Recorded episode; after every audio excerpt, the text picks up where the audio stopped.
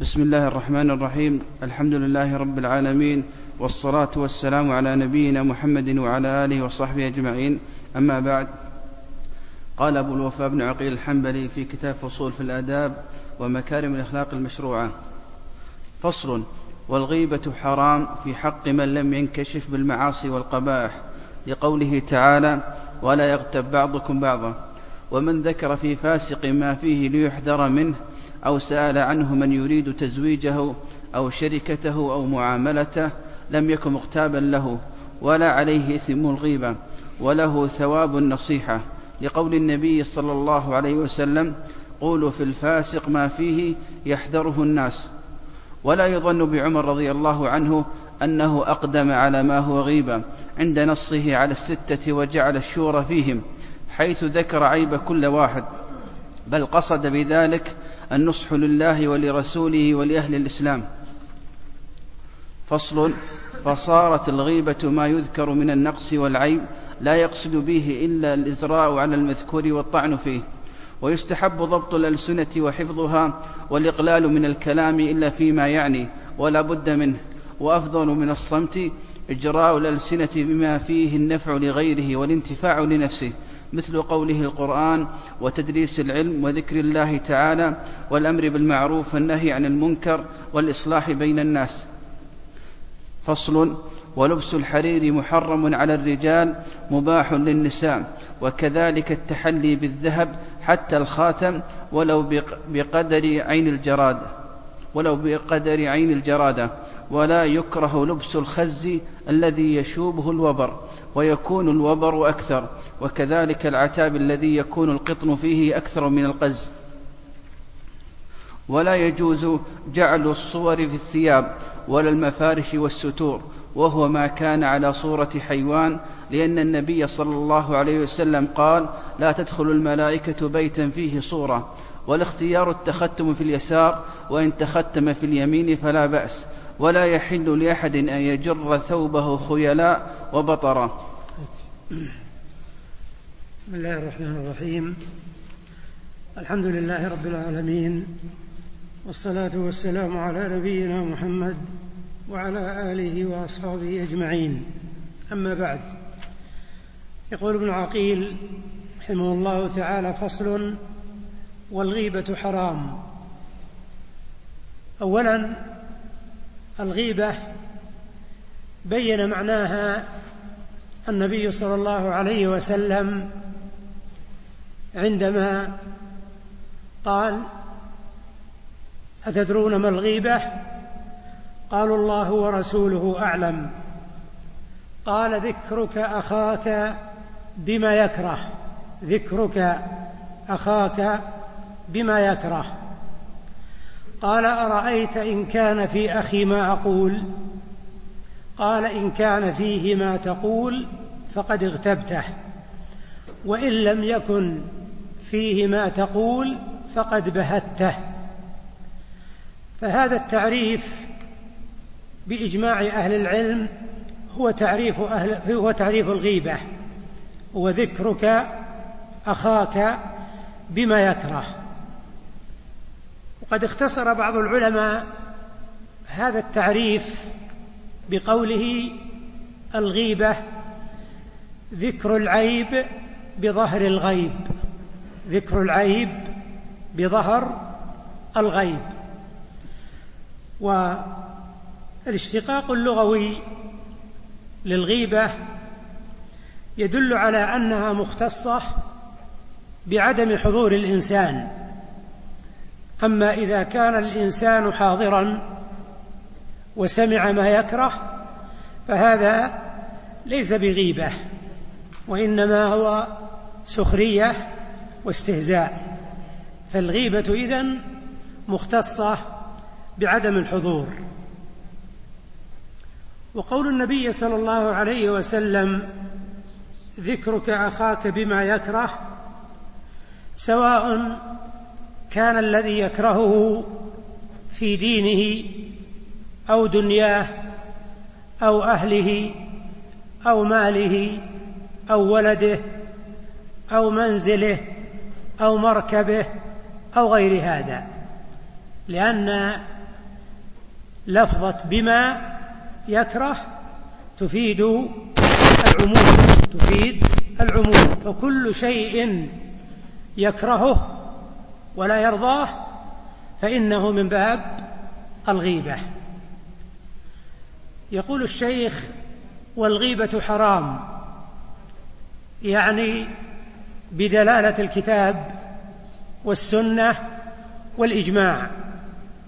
أما الكتاب فقول الله تعالى ولا يغتب بعضكم بعضا أيحب أحدكم أن يأكل لحم أخيه ميتا. فهذه أيحب أحدكم أن يأكل لحم أخيه ميتا فكرهتموه. فهذه الآية كما يقول المفسرون دليل على تحريم الغيبة وأن الغيبة من كبائر الذنوب. وأن الغيبة من كبائر الذنوب. لأن الله جل وعلا شبهها بأكل لحم الميت. وأكل لحم الميت هذا من كبائر الذنوب. ثم تأمل في الآية فإن الله جل وعلا يعني لما كانت الغيبة تمزيق العرض ذكر في الآية تمزيق اللحم مع الجلد الذي هو الأكل. والأمر الثاني أن هذا اللحم ليس لحم حيوان الذي جرت عادة الناس بأكله وإنما هو لحم آدمي. وهذا أبلغ في التنفير والتقبيح أن يكون الأكل أكل لحم آدمي. والأمر الثالث أن هذا الآدمي ليس حيا وإنما هو ميت. وهذا أيضا تقبيح بعد تقبيح وتنفير بعد تنفير. فهذه الآية دلالتها واضحة جدا على تحريم الغيبة. أما السنة كما علمتم أو سمعتم وأما الإجماع فقد أجمع أهل العلم قاطبة على تحريم الغيبة وأنها من كبائر الذنوب. قال في حق من لم ينكشف بالمعاصي والقبائح. يعني ذكرك الشخص بما يكره. إن كان هذا الشخص مستور الحال مستور الحال لم ينكشف بإظهار معاصي ولا بمجاهرة فإن فإن ذكرك ما فيه مما يكره من باب الغيبة. أما إذا كان الشخص منكشفا بالمعاصي مستهترا فإن ذكر ما فيه مما يكره ليس من باب الغيبة. لأن ابن عقيل ما أطلق قيد قال في حق من لم ينكشف بالمعاصي والقبائح. مفهوم كلامه أن من انكشف بالمعاصي والقبائح فلا غيبة له. والسبب في هذا أنه لما أعلن القبائح كما يقول شيخ الإسلام ابن تيمية يقول لما أعلن القبائح استحق عقوبة المسلمين. وأدنى عقوبة من المسلمين أن يذكر لأجل أن يحذر أن يذكر لأجل أن يحذر لأن من انكشف بالمعاصي فليس ذكر ما فيه على سبيل التفكه والتلذذ لا المقصود ماذا؟ التحذير منه. وهذا هو السبب في كون ذكر ما في كون ذكر ما فيه ليس من باب الغيبة لهذا المعنى. يعني لينزجر الناس عنه وينزجر وينزجر أيضا ويبتعدوا عن فعله وصحبته. فكأن الأغراض ثلاثة أن ينزجر الناس عنه الثاني أن يبتعدوا عن فعله الثالث أن يبتعدوا عن صحبته ومؤاخاته. ولهذا يقول شيخ الإسلام ابن تيمية كما في مجموع الفتاوى يقول, يقول إن المظهر للمحرمات تجوز غيبته بلا نزاع بين العلماء. إن المظهر للمحرمات تجوز غيبته بلا نزاع بين العلماء. قال لقوله تعالى ولا يغتب بعضكم بعضا الآية وتقدمت. ومن ذكر في فاسق ما فيه ليحذر منه أو سأل عنه من يريد تزويجه أو شركته أو معاملته لم يك مغتابا له ولا عليه إثم الغيبة وله ثواب النصيحة. يقصد الشيخ أن هناك أمور تستثنى من الغيبة وإن ذكر فيها ما يكره الشخص. لكن بشرط أن يكون الحامل الحامل على على ذكر ما في الشخص أن يكون الحامل هو النصيحة. ومن الأمثلة التي ذكر الشيخ من ذكر في فاسق ما فيه ليحذر منه. هذا تقدم تقدم قبل هذا. إنك إذا ذكرت في فاسق ما فيه من الصفات السيئة لأجل أن تحذر الناس منه فهذا ليس من الغيبة. أو ذكرت أو سأل عنك سأل شخص يعني سألك شخص عن شخص تعرفه صديق لك مثلا أو زميل في الدراسة أو زميل في العمل وهو يريد أن يزوجه. سالوا قالوا فلان فلان هو الذي يعرف ها داخله وخارجه له صلة وثيقة هو اللي يعطيك المعلومات من أولها إلى آخرها. فجاء إليك هذا الشخص وقال إن فلانا تقدم إلينا للزواج وأنا أريد أن يعني أسألك عن بعض الآن أسألك عن بعض الأشياء أو تريد أن أو أريد منك أن تعطيني صفات هذا الشخص. فإنه يجب على هذا الشخص لا من باب الغيبة ولكن من باب النصيحة أن يبين لهذا الشخص جميع ما فيه. لأن هذا الكلام خطير سينبني عليه الإقدام على الزواج ولا لا؟ أو عدم الإقدام. يقول له مثلا والله فلان ما مثله طيب بس إنه ردي بصلاة الفجر ما هو بيصلي الفجر. هذا هو يكره يكره الكلام هو نفسه يكرهه.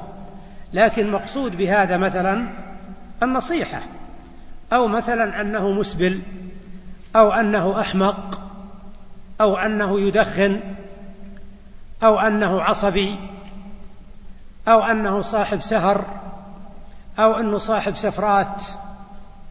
كل هذا لا يكون من الغيبة. نعم نظرا إلى الغرض المقصود من من المعلومات هذه. أو شركته أو معاملته. كذلك. إنسان يريد أن يشارك شخصا في تجارة في مؤسسة في مشروع. سأل عنه فإنه يجب على المسؤول أن يدلي بما عنده ها من الصفات الطيبة والصفات السيئة. ولا عليه يقول الشيخ إثم الغيبة وله ثواب النصيحة لقول النبي صلى الله عليه وسلم قولوا في الفاسق ما فيه يحذره الناس. هذا الحديث ذكره العجلوني في كتابه كشف الخفاء بلفظ اذكروا الفاسق بما فيه اذكروا الفاسق بما فيه يحذره الناس. وهذا الحديث لا يصح. هذا الحديث لا يصح. لكن الأمور التي ذكرها العلماء والمستثنيات لها ما يؤيدها إما من عمومات الشريعة وإما نصوص خاصة بها. وقد جمعها بعضهم في قوله الذم ليس بغيبة في ستة. متظلم ومعرف ومحذر ولمظهر فسقا ومستفت ومن طلب الإعانة في إزالة منكر. وهذه الأمور الستة ففصلها العلماء وأبانوا أدلتها. وإن كان الشوكاني رحمه الله له رأي في بعضها في رسالة ألفها وسماها رفع الريبة فيما يجوز وما لا يجوز من الغيبة. وناقش بعض الأمور هذه ولم يوافق على استثنائها. قال ولا ولا يظن بعمر رضي الله عنه أنه أقدم على ما هو غيبة عند نصه على الستة وجعل الشورى فيهم حيث ذكر عيب كل واحد منهم منهم. أو ذكر عيب كل واحد بل قصد بذلك النصح لله ولرسوله ولأهل المسلمين. يعني هذا يقصد ابن عقيل أنه يؤيد ما تقدم منه أنه إذا كان المقصود النصح لله تعالى ولرسوله وللإسلام وأهله إن هذا ما يدخل في الغيبة. ومن هنا جاء ما يتعلق بجرح الشهود وجرح رواة الحديث. ولهذا تجد علماء الحديث يصفون الراوي بما فيه.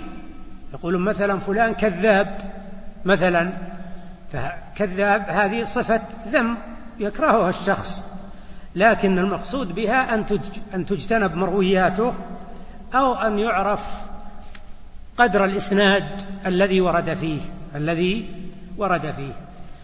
قال فصارت الغيبة ما يذكر من النقص والعيب لا يقصد به إلا الإزراء على المذكور. يعني هذه خلاصة الغيبة إن المقصود بها الإزراء والاحتقار على الشخص المذكور. والإزراء معناه في اللغة التهاون معناه في اللغة التهاون. قال إلا الإزراء على المذكور والطعن فيه. ثم ختم الشيخ الموضوع بهذه النصيحة. قالوا يستحب ضبط الألسنة وحفظها. والإقلال من الكلام إلا فيما يعني ولا بد منه.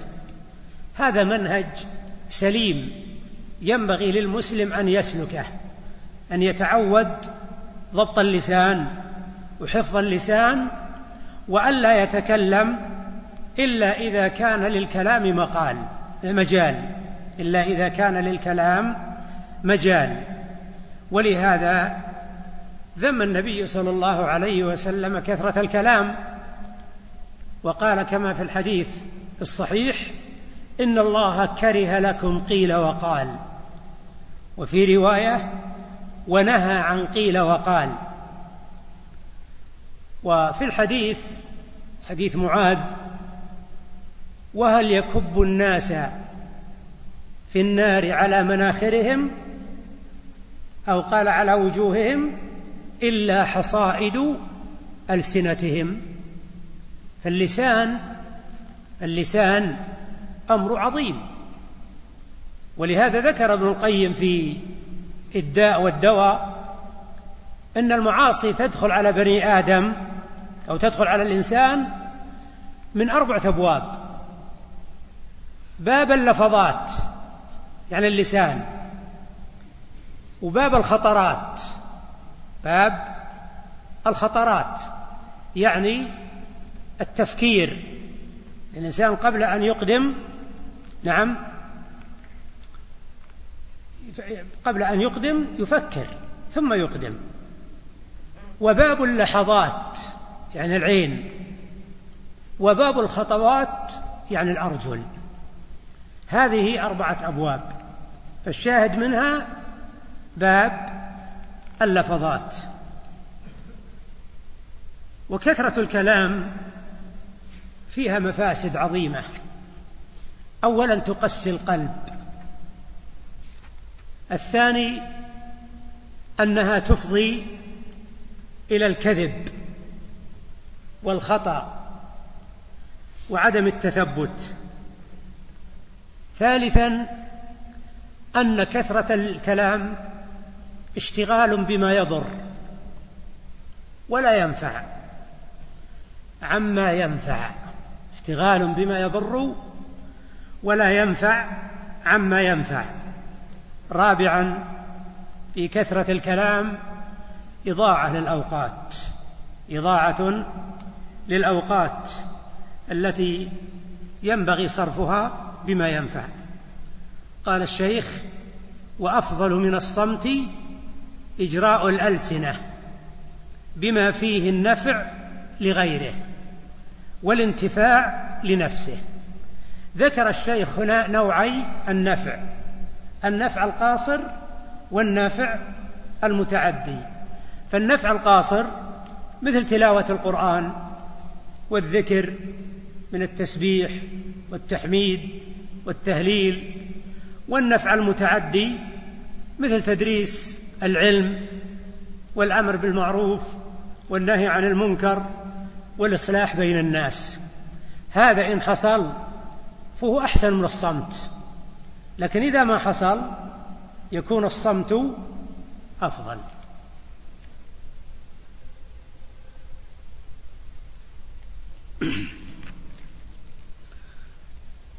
قال فصل ولبس الحرير محرم على الرجال. هذا بالإجماع. هذا بالإجماع لقول النبي صلى الله عليه وسلم لا تلبسوا الحرير فإن من لبسه في الدنيا لم يلبسه في الآخرة متفق عليه.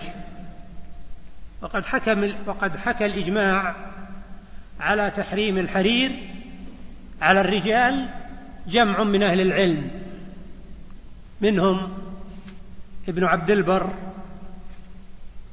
الاستذكار ابن قدامة في المغني وغيرهما.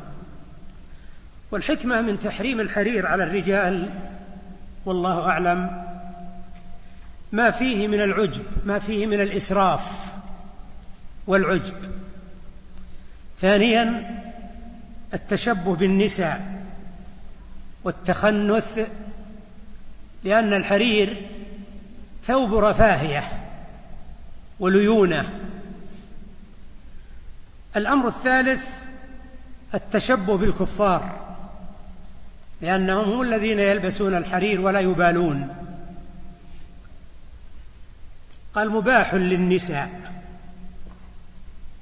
مباح للنساء. لحديث أبي موسى رضي الله عنه أن النبي صلى الله عليه وسلم قال حرم لباس الحرير على ذكور أمتي وأحل لإناثهم. رواه الترمذي والنسائي وأحمد. وقال الترمذي حديث حسن صحيح لكن في سنده انقطاع لكن له شواهد كثيرة تؤيد أو تبين أن الحرير مباح للنساء أن الحرير مباح للنساء. وإباحة الحرير للنساء في غاية المناسبة لأن المرأة هي التي تتزين وهي التي طبيعتها اللين والنعومة فكان هذا مناسبا لها. كما أبيح لها الذهب للتحلي والتزين فكذا أبيح لها الحرير. ولهذا قال الشيخ وكذلك التحلي بالذهب. هذا يعود على الأول من جهة التحريم يعني وكذا التحلي بالذهب يحرم على الرجال ويعود على الثاني وهو النساء يعني ويباح الذهب للنساء. ولا خلاف بين أهل العلم في هذا. قال حتى الخاتم ولو بقدر عين الجرادة. هذا يعود على الرجال. الرجل لا يجوز له أن يلبس خاتم الذهب ولو كان قليلا. وهذا بإجماع أهل العلم. أجمع أهل العلم على تحريم خاتم الذهب على الرجل أو على تحريم التختم بالذهب للرجل ولو كانت نسبة الذهب في الخاتم بقدر عين الجرادة يعني أنها كانت نسبتها قليلة جدا. وقد كان الذهب مباحا في أول الإسلام التختم به واتخذه النبي صلى الله عليه وسلم. ثم بعد هذا نسخ نسخا صريحا وحرم تحريما مؤبدا إلى يوم القيامة. إلى يوم القيامة.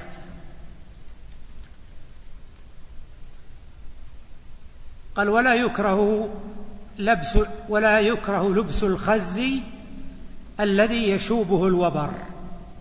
معنى يشوبه يعني يخالطه. وقد حصل خلاف بين العلماء في تعريف الخز ما المراد به؟ فمنهم من قال هو الثوب المخلوط من صوف وحرير. الثوب المخلوط من صوف وحرير. ومنهم من قال هو المخلوط من حرير ووبر. من حرير ووبر. وهذا ظاهر كلام ابن عقيل. ومنهم من عمم. قال الظاهر إن الخز هو الثوب من حرير مخلوط بغيره. هو الثوب من حرير مخلوط بغيره. هذا لا يكره لبسه لكن بشرط أن يكون ما خلط مع الحرير أكثر من الحرير. أن يكون ما خلط مع الحرير أكثر من الحرير. قال ويكون الوبر أكثر.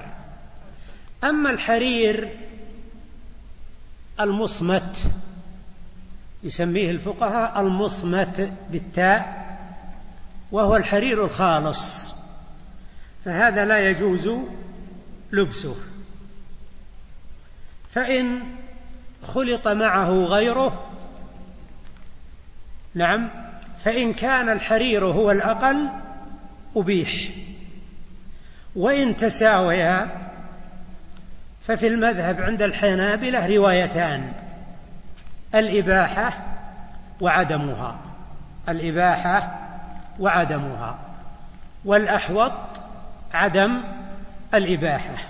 هذا هو الأحوط. قال وكذلك العتاب الذي يكون القطن فيه أكثر من القز. يبدو أن هذا نوع من الألبسة المعروفة عندهم العتابي لأنه قال الذي يكون القطن فيه أكثر من القز والقز هو الحرير. القز هو الحرير لأنه يستخرج من دودة القز. فكذلك هذا النوع يباح لأنه ما دام أن القطن نعم أكثر من الحرير فإنه يباح.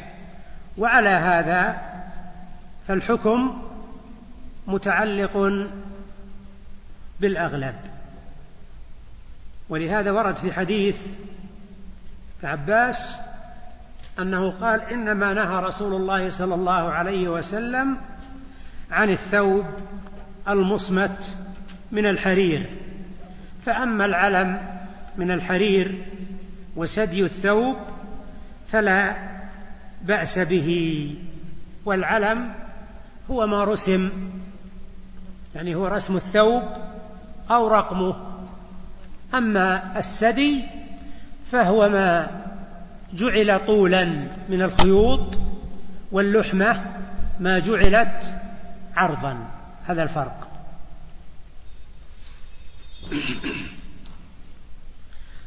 قال ولا يجوز جعل الصور في الثياب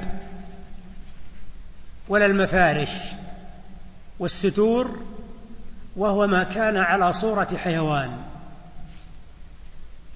يعني أنه يحرم على الذكر والأنثى لبس ما فيه صورة حيوان والمراد بالحيوان ما يشمل الآدمية والبهيمة.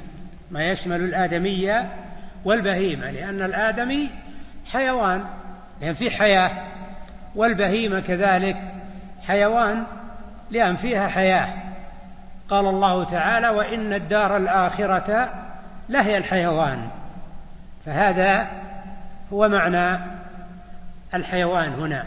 فيشمل صورة الآدمي وصورة البهيمة. والدليل على التحريم حديث أبي طلحة المتفق عليه حديث أبي طلحة المتفق عليه أن النبي صلى الله عليه وسلم قال لا تدخل الملائكة بيتا فيه صورة أو فيه كلب ولا صورة. وناهيك ببيت لا تدخله الملائكة. ماذا يكون حاله؟ وماذا يكون حال أهله؟ الملائكة دخولهم في البيت أنس وبركة وإعانة على الخير وعلى الطاعة وخروجهم عن هذه الأمور أضداد هذا. ولهذا الملائكة ما تدخل البيت اللي فيه صورة ولا تدخل البيت الذي فيه الكلب. نعم. رحمك الله. وقول الشيخ ولا يجوز جعل الصور في الثياب هذا واضح لأن إذا جعلت الصور في الثياب يكون هذا من باب التعظيم لها والاحترام لأن الثياب ما تمتهن. لكن الشيخ يقول ولا المفارش ولا المفارش وهذا رأي لابن عقيل وإلا الأكثرون من أهل العلم على أن الصورة في المفارش يعني التي يمتهنها الناس بالجلوس عليها أنه لا بأس بها بدليل حديث عائشة المتفق عليه أن أنها قالت نصبت سترا اتركوا يا إخوان الأسئلة لا. لا تشغلوا لا تشتغلوا ولا تشغلوا كل واحد يمسك السؤال معه. إذا كان في وقت يمكن الأسئلة تصل لكن كون واحد يعطي اللي قدامه واللي قدامه هذا لا يخلو من مشغلة. فالذي معه سؤال يبقي السؤال معه حتى يجي وقت الأسئلة وبعدين يمكن أن يدفعه إلى من أمامه. تقول عائشة رضي الله عنه عنها نصبت سترا فيه تصاوير. يعني ستارة فيها تصاوير. فدخل النبي صلى الله عليه وسلم فنزعه فنزعه. قالت فقطعته وسادتين يرتفق عليهما. ومعنى الارتفاق الاتكاء الارتفاق الاتكاء. ولهذا سمي العظم هذا المرفق لأن الإنسان يتركى عليه. فيرتفق عليهما يعني يتكئ عليهما.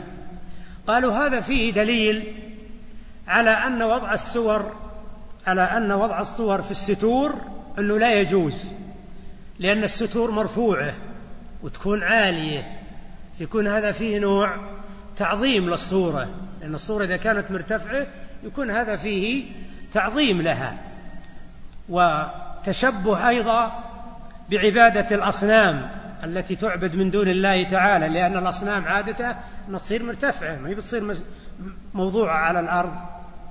فلهذا العلماء قالوا لا توضع الصور لا توضع الصور في الستور. وإذا كانت لا توضع في الستور كذلك أيضا لا توضع في الثياب. إذا يبقى المفارش ابن عقيل كأنه يرى العموم في الأدلة. يرى أن المفارش أيضا أن ما يوضع فيها صور. أما الجمهور استنادا للحديث فيقولون لا بأس بوضع الصور في المفارش ولا شك إن الاستغناء عنها أولى وأحوط وأبرى للذمة لكن هم يقولون على سبيل الجواز. وعلى هذا فيمكن أن نضع قاعدة. الصور الممتهنة لا تحرم. والصور غير الممتهنة تحرم. وورد زيادة عند الإمام أحمد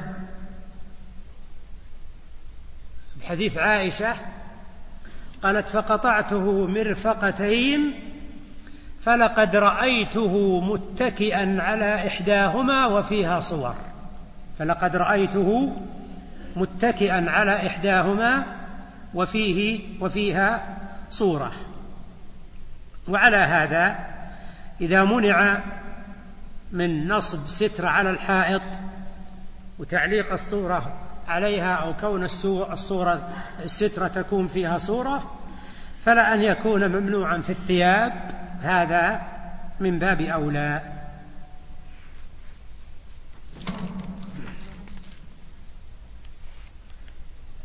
قال والاختيار التختم في اليسار.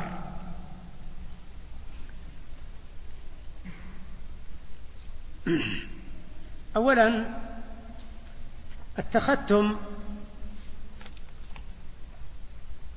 من الفضة.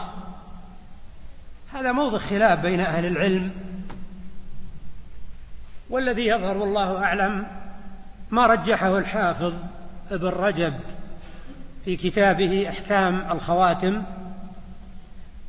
وهو الإباحة أنه يباح لبس الخاتم نعم من الفضة في الجملة لأن الرسول صلى الله عليه وسلم لبسه لأجل مصلحة ختم الكتب الذي التي يرسلها للملوك ثم استدام صلى الله عليه وسلم لبس الخاتم من الفضة ولبسه أصحابه معه ولم ينكر عليهم بل أقرهم وعلى هذا فالأظهر أن لبس الخاتم أنه مباح أنه مباح.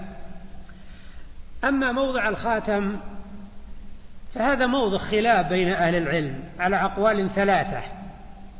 منهم من يقول التختم باليسار أفضل ومنهم من يقول التختم باليمين أفضل ومنهم من يقول بالتخيير منهم من يقول بالتخيير وعلى هذا مشى ابن عقيل قال والاختيار التختم في اليسار.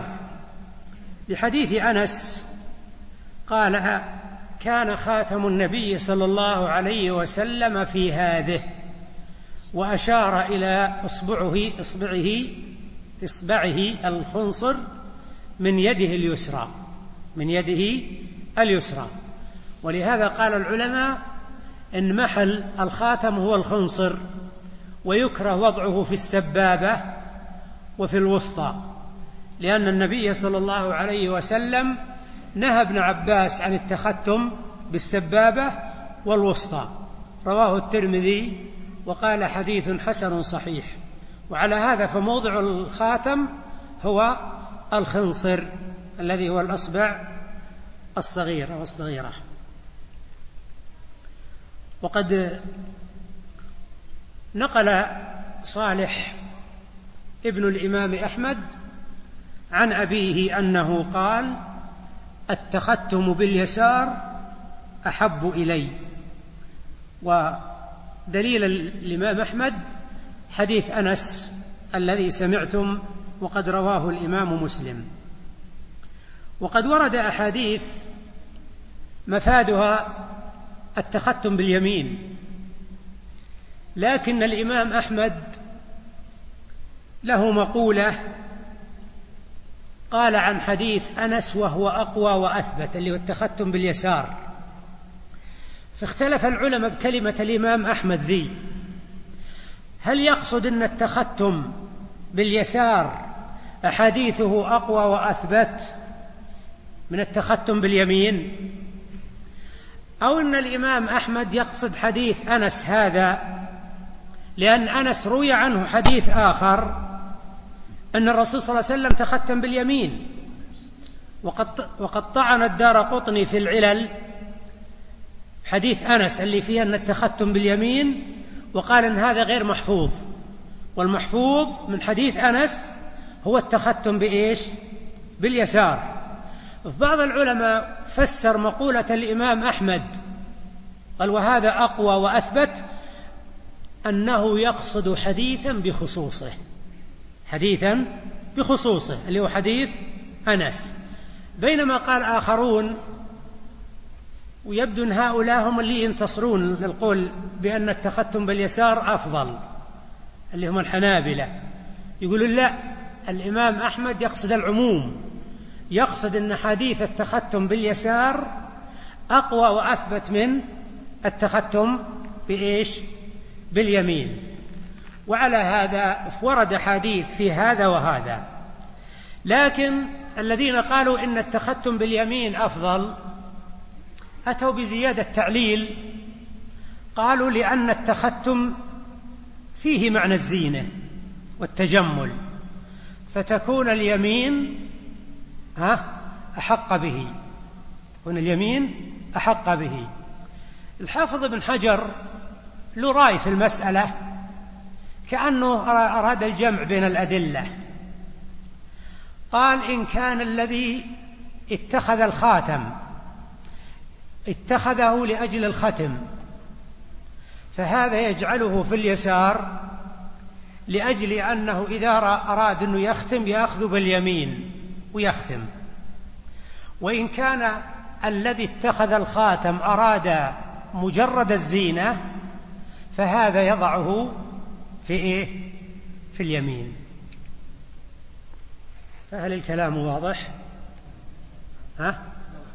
طيب قال والاختيار التختم في اليسار وإن تختم في اليمين فلا بأس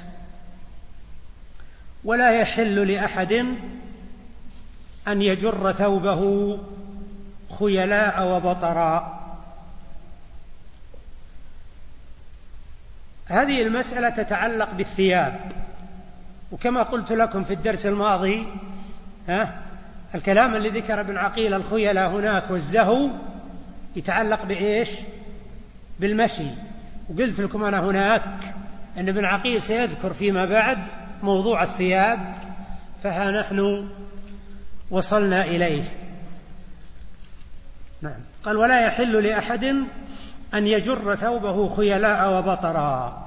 دليل هذا حديث عبد الله بن عمر رضي الله عنهما أن النبي صلى الله عليه وسلم قال لا ينظر الله إلى من جر ثوبه خيلاء. متفق عليه. ورواه أيضا البخاري من طريق آخر عن عبد الله بن عمر من جر ثوبه خيلا لم ينظر الله إليه يوم القيامة.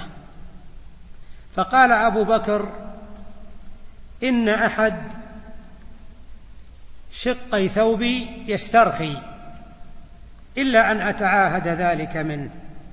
فقال رسول الله صلى الله عليه وسلم إنك لست ممن يصنع ذلك خيلاء.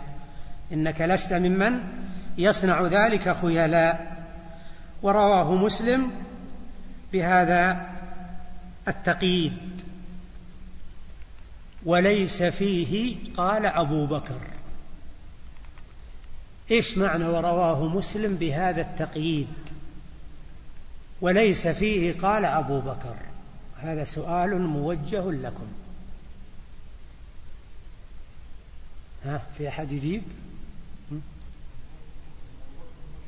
ها؟ لا يعني المقصود إن زيادة فقال أبو بكر هذه ما هي عند مسلم. هذه انفراد بها البخاري. إذا ماذا أقصد بقولي ورواه مسلم بهذا التقييد؟ تفضل.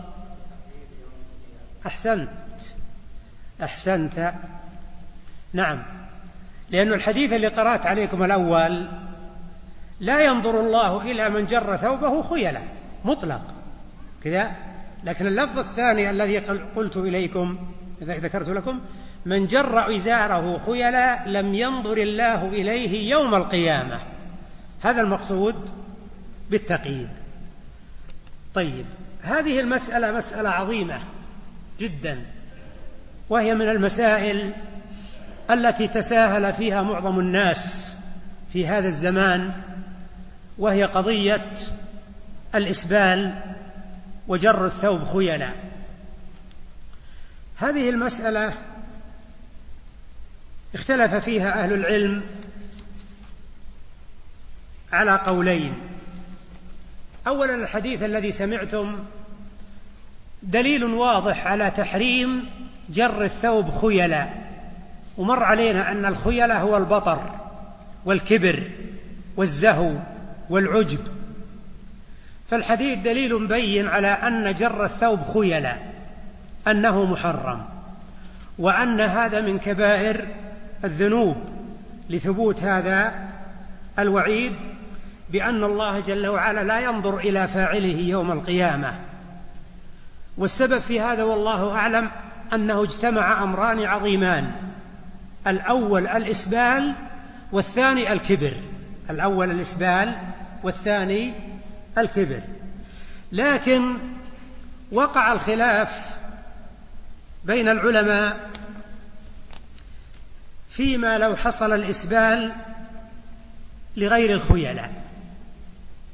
إنسان مثلا ما جرت الخيلاء على باله وإنما هو يسبل مجاراة لهواه. أو للعرف الذي هو فيه. زملاء في المدرسة أو في العمل أو في مكان ما. نعم أطالوا ثيابهم فهو يطيل.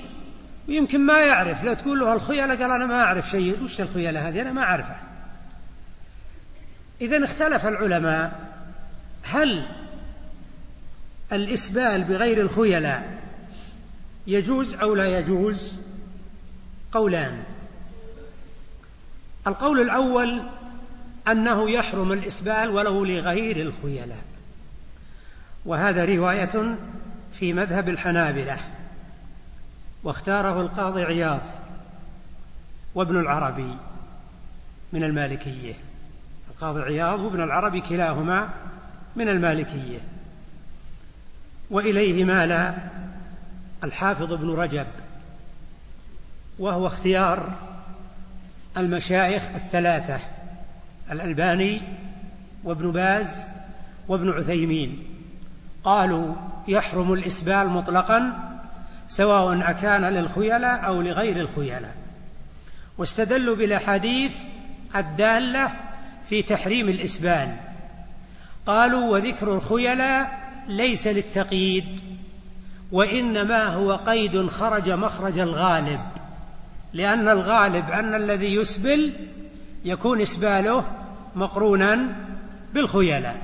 ما نقول بالتعميم لكن قالوا هذا خرج مخرج الغالب.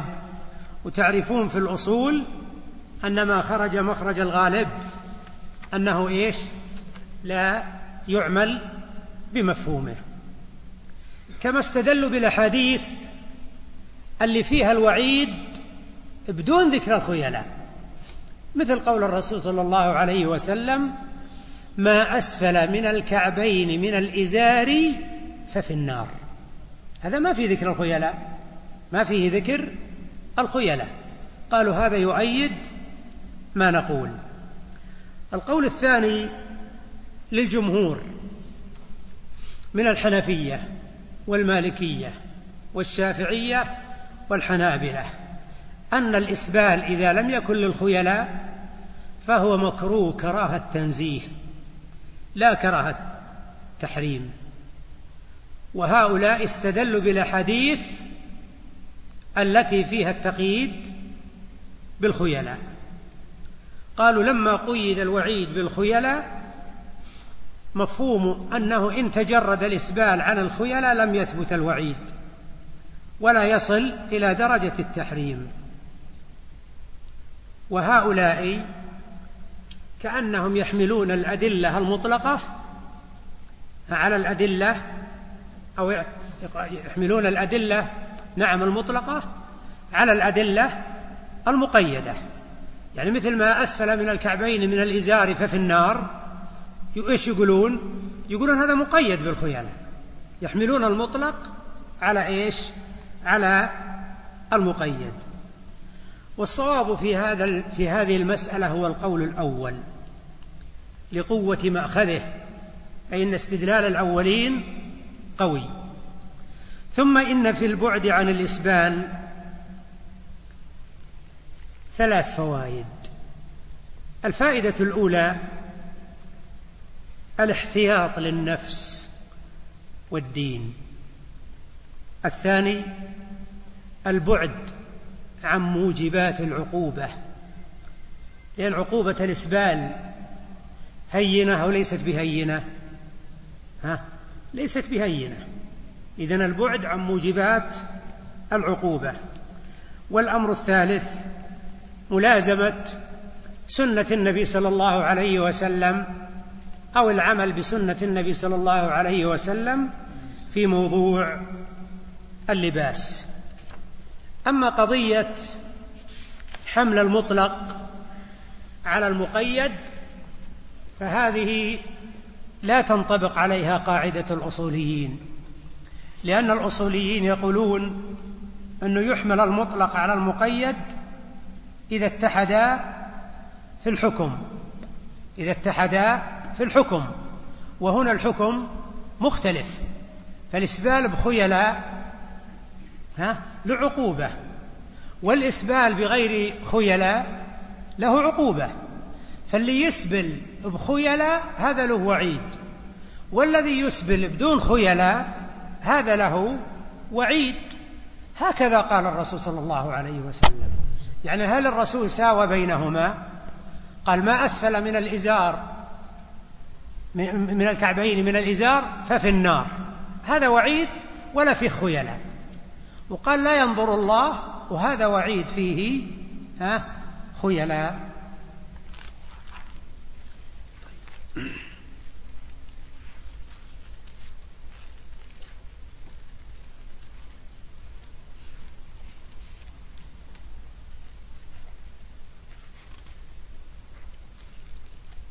قال ودخول الحمام جائز للرجال بالميازر الساترة. الحمام هو بيت الماء المعد للاستحمام بالماء الساخن لتنظيف البدن أو للتداوي. والحمامات كانت موجودة في الزمن القديم في بلاد الشام وغيرها يجعلون أماكن خاصة للاغتسال فقط وتهيأ بالماء الدافي. وهذا بحث العلماء في أحكامه ومنهم ابن كثير له كتاب مطبوع معروف اسمه الآداب والأحكام المتعلقة بالحمام. يقول ابن عقيل ودخول الحمام جائز للرجال بالميازر الساترة.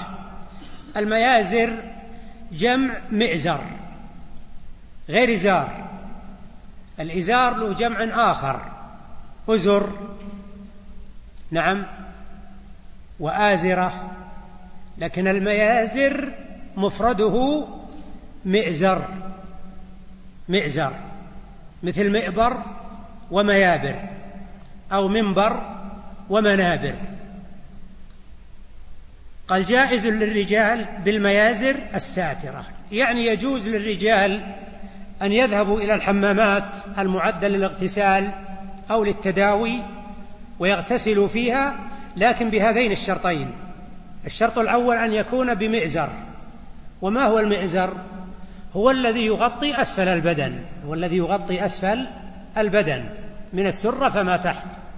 والشرط الثاني أن تكون الميازر إيش؟ ساترة. أما إذا كانت غير ساترة فهذا لا يجوز. قال ويكره للنساء إلا من علة وحاجة. يعني يكره للنساء أن يدخلن الحمامات للاغتسال. وهذا قول في المسألة. والقول الثاني أنه يحرم على النساء دخول الحمامات إلا لعذر إلا لعذر.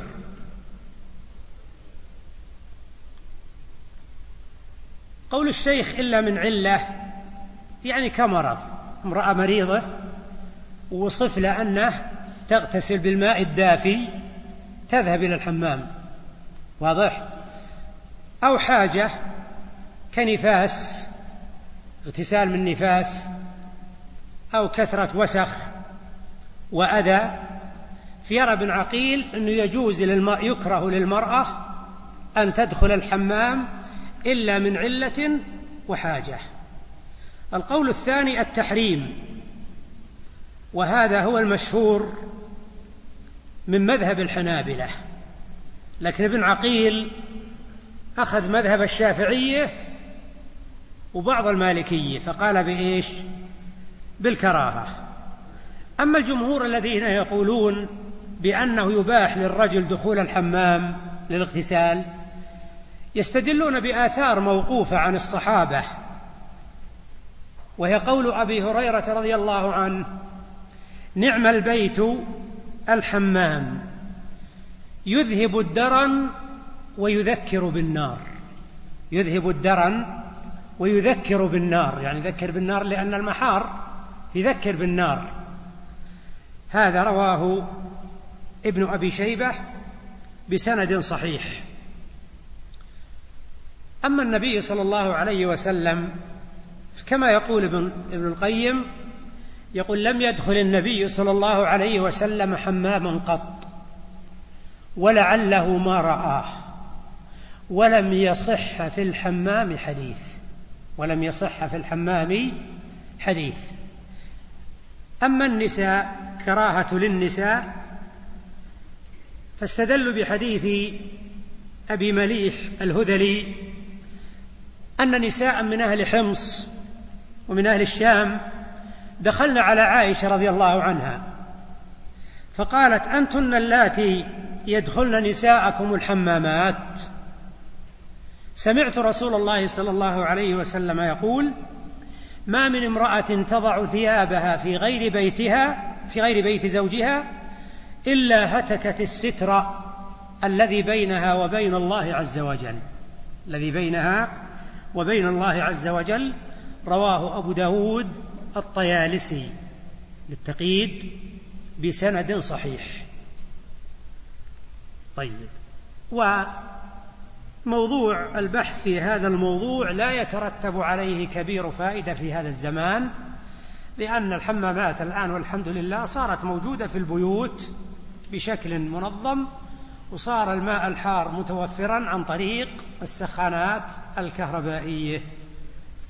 كل واحد الآن وكل امرأة تغتسل في بيتها ولا عليها من الآخرين. والحمد لله رب العالمين.